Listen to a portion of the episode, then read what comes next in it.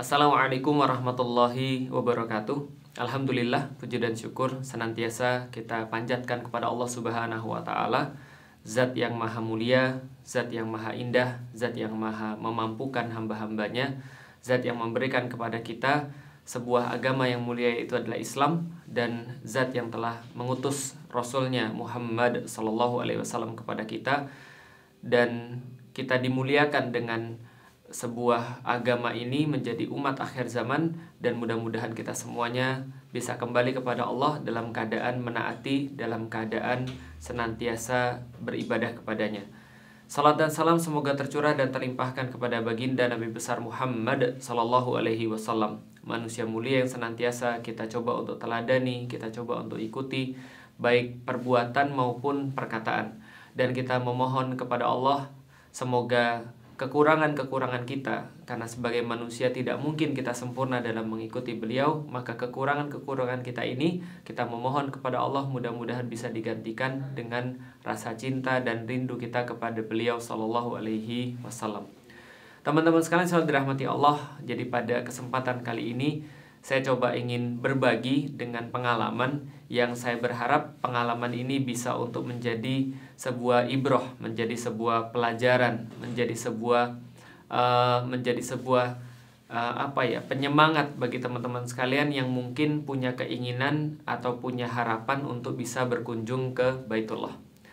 Uh, saya masuk Islam pada tahun 2002 dan ketika saya masuk Islam pada saat itu keadaan keuangan, keadaan ekonomi itu mungkin belum seperti uh, yang sekarang saya rasakan. Uh, kayaknya semua itu serba berkekurangan. Saya masih ingat sekali ketika nikah dengan Ummu Alila itu pun disponsori oleh ayah saya.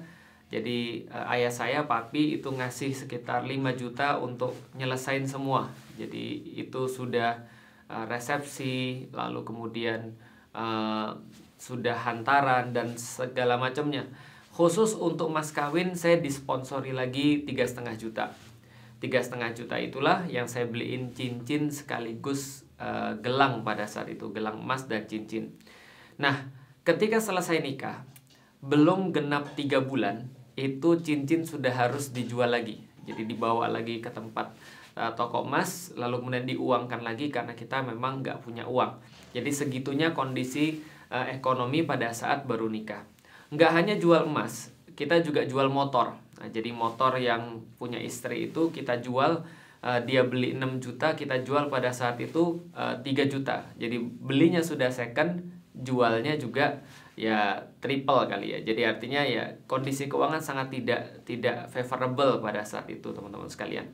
Nah, karena keuangan aja sudah tidak bagus kondisinya, jangankan kita berharap untuk pergi umroh, jangankan kita berharap untuk mendaftar haji. Pada saat itu kita ngontrak aja masih mikir. Pada saat itu beli makan aja kita harus hemat-hemat banget. Bahkan ada satu saat di mana ketika kita benar-benar nggak punya lagi uang, kita harus buka laci, nyari recehan-recehan yang tersisa untuk nyari makan.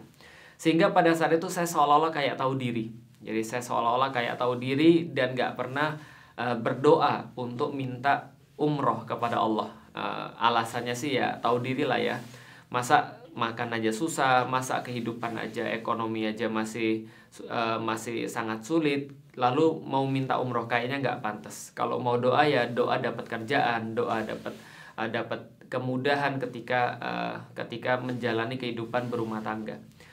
Karena saya nggak pernah doa untuk pergi umroh, ya saya pikir karena itulah saya juga nggak pernah eh, nggak uh, pernah berusaha ya untuk pergi bisa pergi umroh atau bisa untuk mendaftar haji. Pengen sih ya pastilah. Mana ada sih orang-orang muslim yang nggak pengen untuk pergi uh, berhaji atau pergi umroh minimal. Uh, orang kita pas sholat aja kita ngelihatnya kan Ka'bah sering kali kita ngelihatnya kan uh, Masjidil Haram misalnya yang di uh, di beberapa sajadah itu. Dan itu semua berubah ketika tahun 2009. Jadi tahun 2009 itu teman saya, ada teman saya itu pergi haji dan sepulang dari haji dia menceritakan kepada uh, kepada kita semuanya. Karena kita kan ya pastilah kalau ada orang pergi haji ya kita bilang titip doa ya, titip doa ya gitu. Maka teman saya ini pas pulang dia cerita pada saya, "Lik, dia bilang bahwa saya tuh pas tawaf wada ketika terakhir kali sebelum berpisah dengan uh, dengan Haromain dengan dengan dua tanah suci khususnya Masjidil Haram maka saya tuh bertawaf dan saya dititipin orang doa banyak sekali.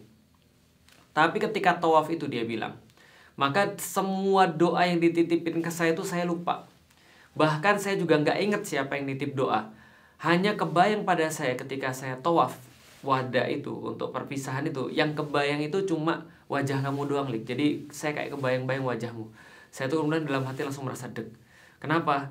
Saya tuh merasa ya Allah saya tuh selama ini kan nggak pernah berdoa ya untuk minta pergi umroh.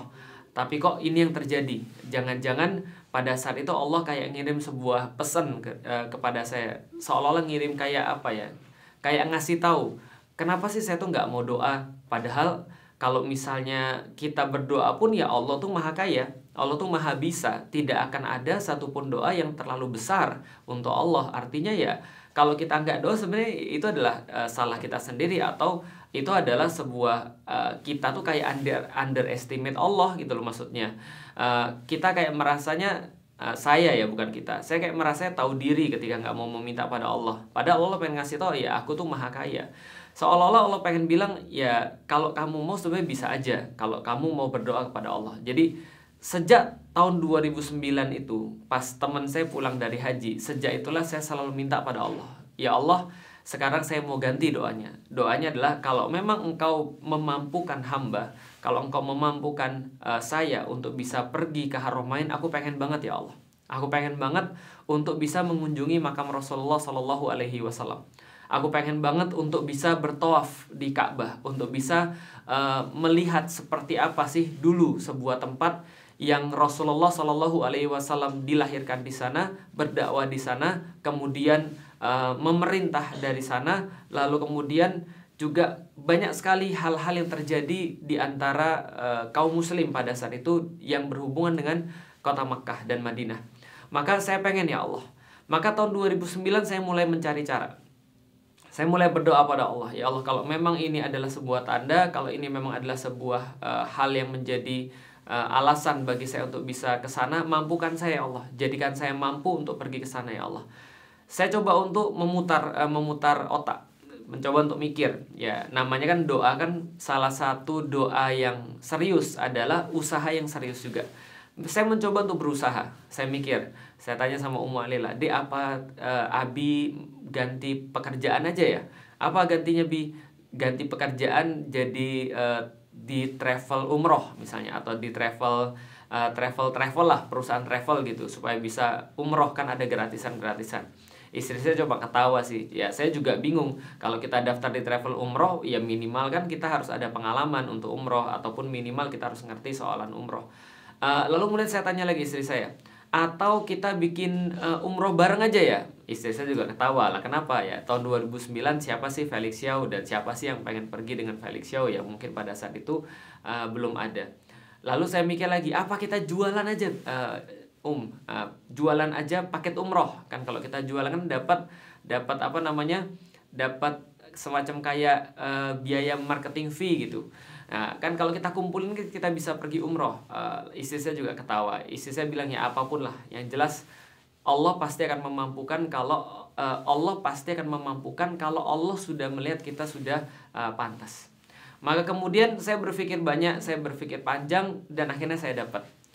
Saya datang ke bapak saya. Lalu saya bilang sama bapak saya, "Pi, papi kalau seandainya biasanya papi itu kalau setiap tahun Eh, kan papi kan akan ngasih apresiasi kepada distributor-distributor atau orang-orang yang mencapai target uh, jualan. Karena bapak saya kan jualan pestisida pada saat itu. Bapak saya bilang iya. Saya tanya berapa yang papi kasih? Dia bilang ya seharga motor uh, inilah motor uh, motor uh, ya motor bebek lah kira-kira gitu. Lalu saya tanya harga motor bebek berapa? Uh, bapak saya bilang ya kisaran 15 sampai 17 juta saya bilang sama bapak saya, papi mau nggak tambah 5 juta lagi? Karena saya udah ngeliat dan saya udah eh, riset gitu ya. Eh, uh, 20 juta itu pada saat itu bisa pergi umroh. 20 sampai 25 juta lah sudah bisa pergi umroh. Lalu saya bilang papi mau nggak pi? Uh, papi tambah lagi 5 juta dan kita bisa berangkatin uh, konsumer konsumer papi ini konsumen konsumen papi yang loyal ini yang sudah mencapai target dan kita bisa punya sebuah relationship yang lebih dekat dengan mereka karena kita pergi umroh. Bapak saya bilang, ya bisa sih, tapi yang yang bimbing siapa? Karena bapak saya juga nggak pernah melakukan hal seperti ini. Saya bilang, yang bimbing Felix aja. Dia nanya, emang kamu sudah pernah uh, pergi umroh? Saya bilang, ya belum lah, tapi Felix pengen. Singkat cerita, ketika saya bilang sama sama papi, lalu kemudian ternyata masya Allah saat itu papi punya distributor yang distributornya menyambut dan uh, dan buat program ini jadi nyata dan dia mengamanahkan kepada saya untuk ngurusin semuanya. Jadilah pada saat itu kita punya jamaah pertama sekitar 25 jamaah untuk pergi umroh. Uh, pada saat itu jamaahnya dari Lampung. Nah, jadi 25 jamaah ini membuat saya berkesempatan untuk dapat gratisan pergi umroh. Waktu itu saya senang banget. Kenapa? Wah, setelah 2 tahun, karena 2009 saya dikasih tahu teman saya yang baru pulang haji itu, tahun 2011 itu baru saya ngomong dengan bapak saya dan kita berangkatnya sekitar 2011 akhir menuju ke 2000 uh, 2000 uh, 2012. Maka saya senang banget. Ketika itu uh, kita atur segala macam, saya dapat gratisan, semua sudah beres, kita kita tunjuk salah satu uh, travel umroh dan segala macam sudah beres tapi saya tuh kepikir uh, Ummu Alila. Nah, pada saat itu Ummu Alila lagi hamil. Hamil anak yang ketiga. Nah, jadi hamil si Gozi pada saat itu. Dan waktu itu uh, kita mikir gini, ya Allah, uh, ah, saya mikir ya, ya Allah, saya tuh pengen banget agar Ummu Alila tuh ikut uh, pergi ke umroh. Uh, karena ya selama ini kita udah mikirin bareng, kita juga udah doa bareng, kita mencari cara bareng. Tapi ya masalahnya gratisannya cuma satu Lalu setelah saya tuh mikir uh, agak sedih juga. Ternyata pas saya pas saya lagi di uh, ruang kerja, bapak saya lewat karena saya waktu itu lagi bantuin bapak saya. Bapak saya mulai nanya gini, "Lik, kenapa sih kamu sedih?" Karena uh, karena kan harusnya kan kamu senang. Karena ini kan beberapa waktu lagi kamu akan pergi umroh. Saya bilang, "Iya, Pi." senang cuman masalahnya adalah ya sedih juga sih kenapa karena saya harus ninggalin uh, harus ninggalin istri dan anak-anak dan harus pergi sendiri dan gak ada uh, gak ada istri. Bapak saya terus bilang begini, uh, kalau kalau istri kamu ikut itu kira-kira berapa harganya? Saya bilang ya sama lah pi seperti yang lain gitu kan ya sekitar 20-an waktu itu. Maka bapak saya bilang ya udah kalau gitu uh, biar Iin ikut. Uh, bapak saya bilang uh, waduh waktu itu senang banget saya. Jadi umroh pertama kita itu itu uh, gratisan semua jadi uh, kita cari jamaah yang tadi sudah bisa mencapai target dari bapak saya. Saya dapat gratisan Ummu Alila itu dapat hadiah dari uh, dari bapak saya. Akhirnya berangkatlah kita pada tahun 2011. Jadi bukan 2012 ya, 2011 kita berangkat. 2011 itu akhirnya kita berangkat pergi umroh dan itulah pertama kalinya kita merasakan seperti apa pergi umroh. Itu masya Allah. Jadi ini sekaligus saya mau cerita uh, alasan kenapa sih saya tuh nggak mau untuk pergi setahun berkali-kali untuk umroh karena satu-satunya alasan adalah perasaan kita ketika kita menyambut undangan daripada Allah. Jadi coba teman-teman bayangkan dari dari awal masuk Islam tentunya semua orang Muslim pasti pengen pergi umroh. Dan begitu kita dapat kesempatan uh, kita tuh merasa kayak nggak mungkin kayak nggak nggak bisa secara ekonomi nggak mampu. Dari jalan mana aja itu sulit. Tapi akhirnya kita waktu itu berada di pesawat untuk melaksanakan umroh pergi ke Haromain. Itu dari pas di bandara kita tuh udah nangis pas di pesawat kita tuh udah nangis kenapa karena kita membayangkan kira-kira kayak apa ya eh, kira-kira Ka'bah itu kayak apa? Kira-kira eh, Masjid Nabawi itu kayak apa? Kira-kira seperti apa prosesi haji? Lalu kemudian mendatangi Rasulullah Shallallahu Alaihi Wasallam itu hanya dengan memikirkan itu aja itu gejolak emosi udah luar biasa. Maka di pesawat kita nangis, lalu kemudian semua itu terasa begitu khusyuk. Karena seolah-olah ini adalah sebuah langkah demi langkah ini kita sedang menjalani ibadah juga sebenarnya. Karena ya seperti kata Rasulullah walaupun sudah komat itu sudah sudah sudah dibunyikan orang-orang sudah pada baris sholat dan ada orang yang berjalan dari rumah dia harus tetap khusyuk ketika dia berjalan dari rumah. Kenapa? Karena niatan dia ke masjid untuk sholat misalnya sholat wajib misalnya untuk berjamaah maka setiap langkah itu tidak boleh tergopoh-gopoh tidak boleh lari harus khusyuk. Kenapa? Karena seolah-olah dia sudah berada dalam ibadah. Kita ngerti hadis ini adalah pas kita jalan tadi. Benar. Pas kita benar-benar berniat berjalan untuk umroh untuk kemudian bisa menunaikan ibadah ke haramain maka setiap langkah itu menjadi berarti menjadi matters. Setiap saat itu kita membayangkan seperti apa kita mau beribadah ke sana sampai pun ketika kita di uh, di uh, apa namanya jedah lalu kita harus mengalami nunggu di sana selama tiga jam lalu kemudian diserobot antriannya mendapatkan pengalaman-pengalaman yang kayak nggak enak tapi semua itu kita bisa menjalaninya dengan sangat baik. Kenapa? Bismillah Semoga kalaupun ada sesuatu yang salah atau sesuatu yang nggak nyaman atau sesuatu yang membuat kita merasa susah, semoga ini semua adalah bagian yang Allah hitung dalam melaksanakan ibadah kepada uh, kepada Allah. Nah, ketika kemudian kita sudah sampai, uh, kita dari Jeddah itu menuju ke uh, Madinah dulu.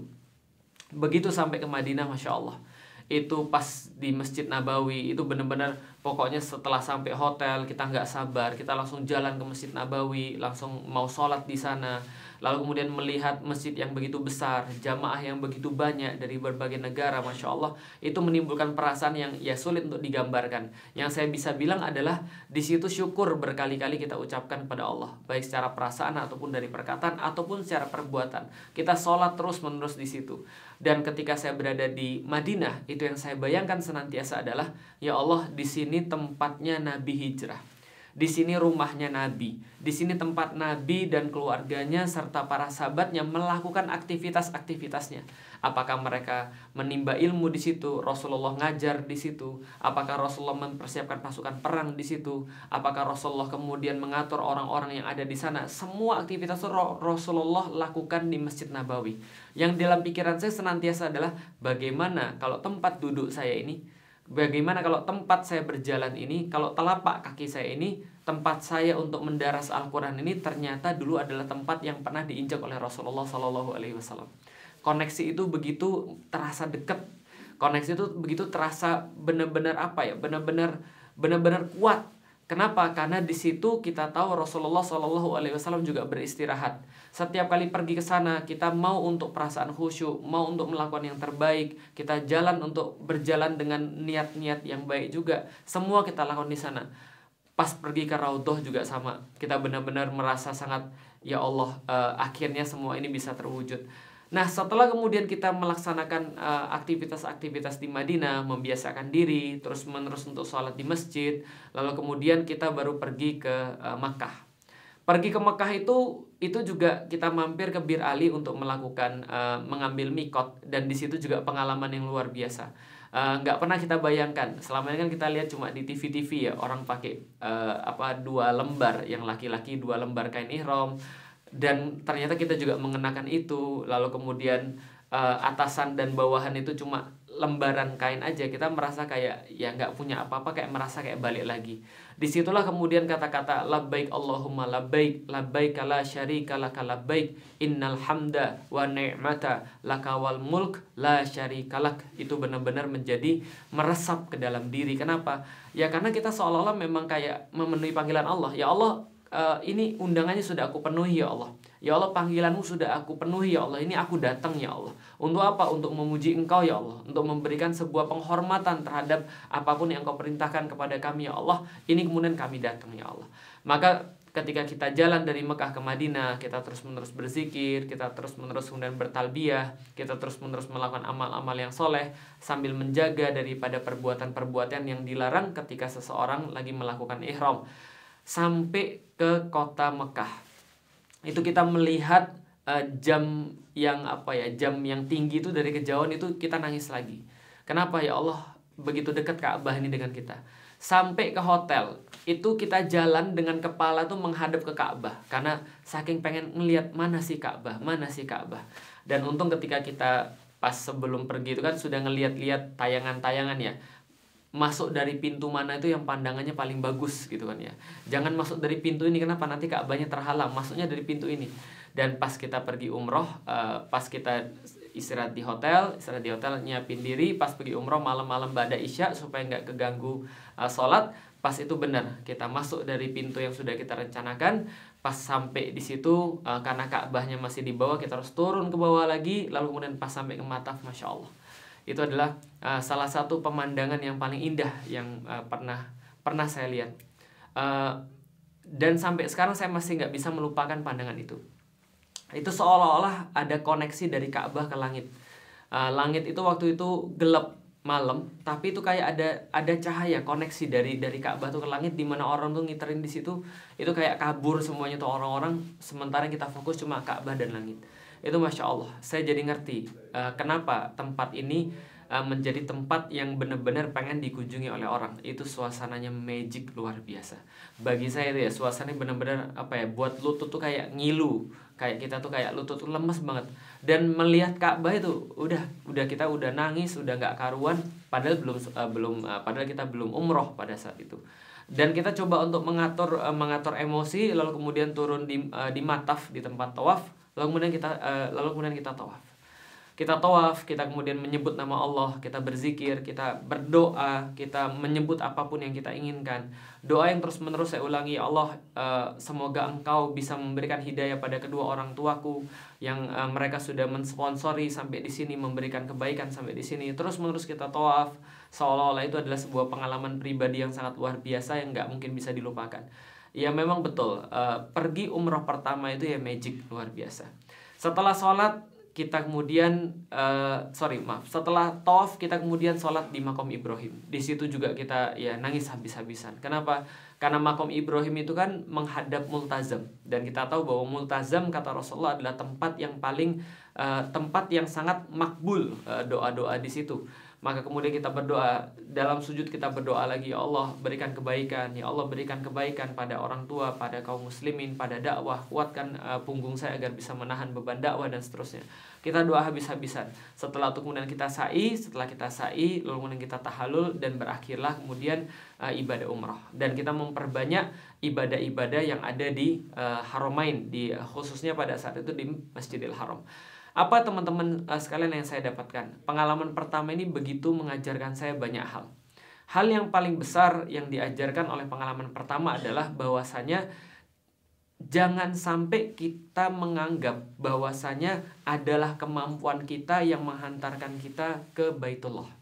Adalah kemampuan kita yang mengantarkan kita untuk bisa pergi umroh. Tidak sama sekali. Ini harus dihapuskan, uh, dihapuskan bersih-bersih di dalam diri dan hati kita Kenapa? Begitu kita merasa kita punya kemampuan untuk pergi ke sana, maka Allah akan menarik habis seluruh pengalaman-pengalaman kita yang ada di sana karena kita mampu. Sementara ketika kita ber, uh, berpergian untuk umroh, kita mengucapkan labbaik Allahumma labbaik. Ya Allah, Engkau yang manggil. Aku cuma memenuhi panggilanmu. Maka yang saya pelajari adalah kita pergi umroh bukan karena kita mampu kita pergi umroh bukan karena kita punya uang. Kita pergi umroh bukan karena kita pintar. Kita pergi umroh bukan karena apa pun. Tapi kita bisa pergi untuk umroh. Kita bisa pergi untuk ibadah. Hanya cuma satu sebabnya. Karena Allah ngundang.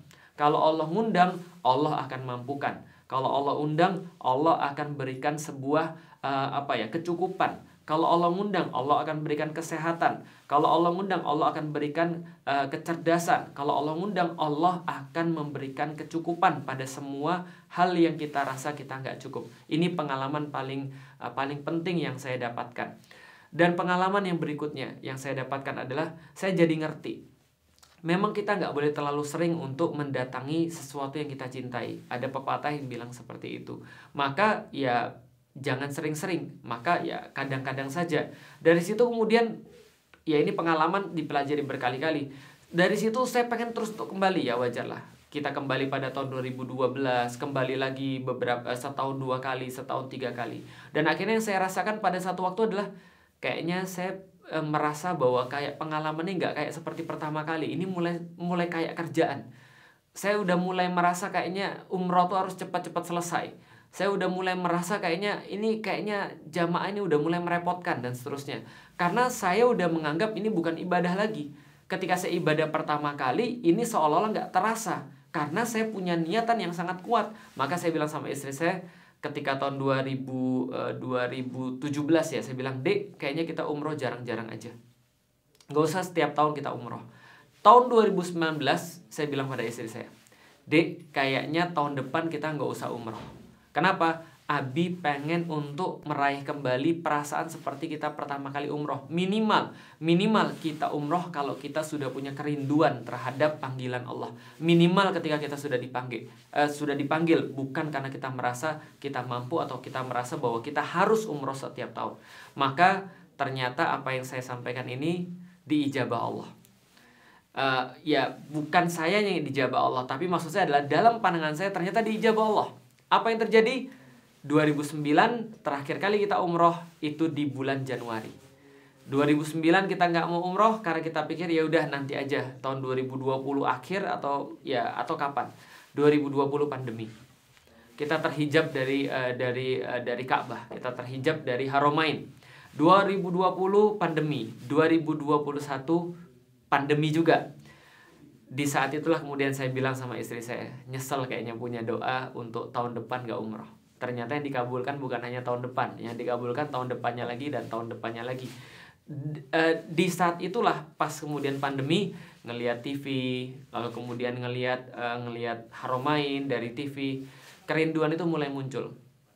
Uh, kangen itu mulai ada. Ketika ngelihat haromain tiba-tiba mau nangis lalu kemudian ketika ingat lagi uh, ingat lagi ngelihat Ka'bah mau nangis gitu ya. Lalu kemudian mulai teringat-ingat lagi pengalaman dulu. Dulu itu ketika saya pakai ihram pertama kali pas pulang itu saya nggak mau ngelepas ihram pas sholat itu selalu saya pakai. Jadi pas sholat wajib tuh ihram itu selalu, kain ihram selalu saya pakai. Uh, untuk mengingat masa-masa di situ. Itu juga mulai kebayang lagi Allah pengen lagi pakai kain ihram pengen lagi untuk mampir ke Madinah kangen sholat untuk uh, di uh, di Masjid Nabawi setiap saat.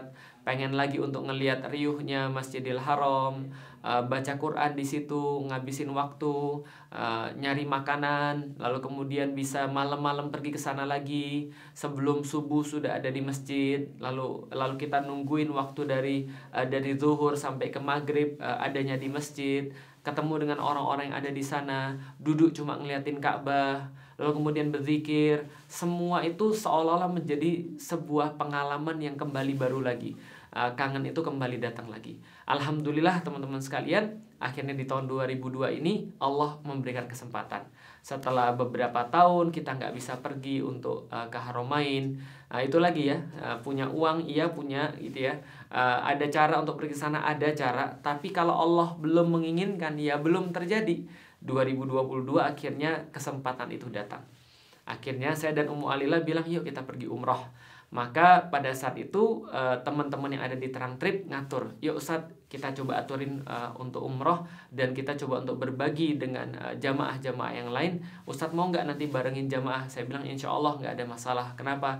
Karena tentunya yang namanya umroh ini adalah bagian daripada ibadah. Dan kalau kita bisa membantu orang memaknai ibadah kita bisa membantu orang untuk bisa memiliki tambahan-tambahan di dalam ibadahnya tentu saja bisa lebih baik Toh saya bilang sama mereka, ya daripada mereka cuma pergi ke sana, lalu kemudian lebih banyak belanja, lalu kemudian lebih banyak melakukan hal-hal yang tidak bermanfaat, tapi mereka justru tidak bisa memperbanyak ibadah, tidak bisa menambah sakofah, tidak bisa mendapatkan experience uh, sebagaimana kemudian yang uh, kita dapatkan, tentu saja ini menjadi sesuatu yang sangat menyayangkan karena kita sudah sudah mengeluarkan uang yang lumayan banyak ke sana.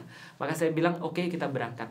Maka alhamdulillah tahun 2002 eh, tahun 2022 ini teman-teman sekalian, insya Allah saya dan eh, Terang Trip akan melaksanakan eh, rencana melaksanakan ibadah umroh, insya Allah pada uh, setiap bulan insya Allah teman-teman terang trip akan uh, jalan umroh. Tapi saya tentunya nggak mau setiap bulan karena sudah saya sampaikan tadi bahwa saya saya mau agar setiap perjalanan ini benar-benar bermakna.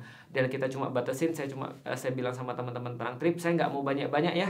Saya cuma maunya cuma satu bis aja supaya kita bisa dekat dengan jamaah dan supaya kita bisa untuk maksimal untuk bisa membersamai uh, jamaah-jamaah yang pengen pergi umroh jadi teman-teman sekalian, bagi yang uh, pengen untuk pergi umroh, teman-teman bisa untuk cek di @terangtrip dan siapa tahu Allah memampukan kita, siapa tahu uh, tahu Allah mengundang kita untuk pergi ke sana.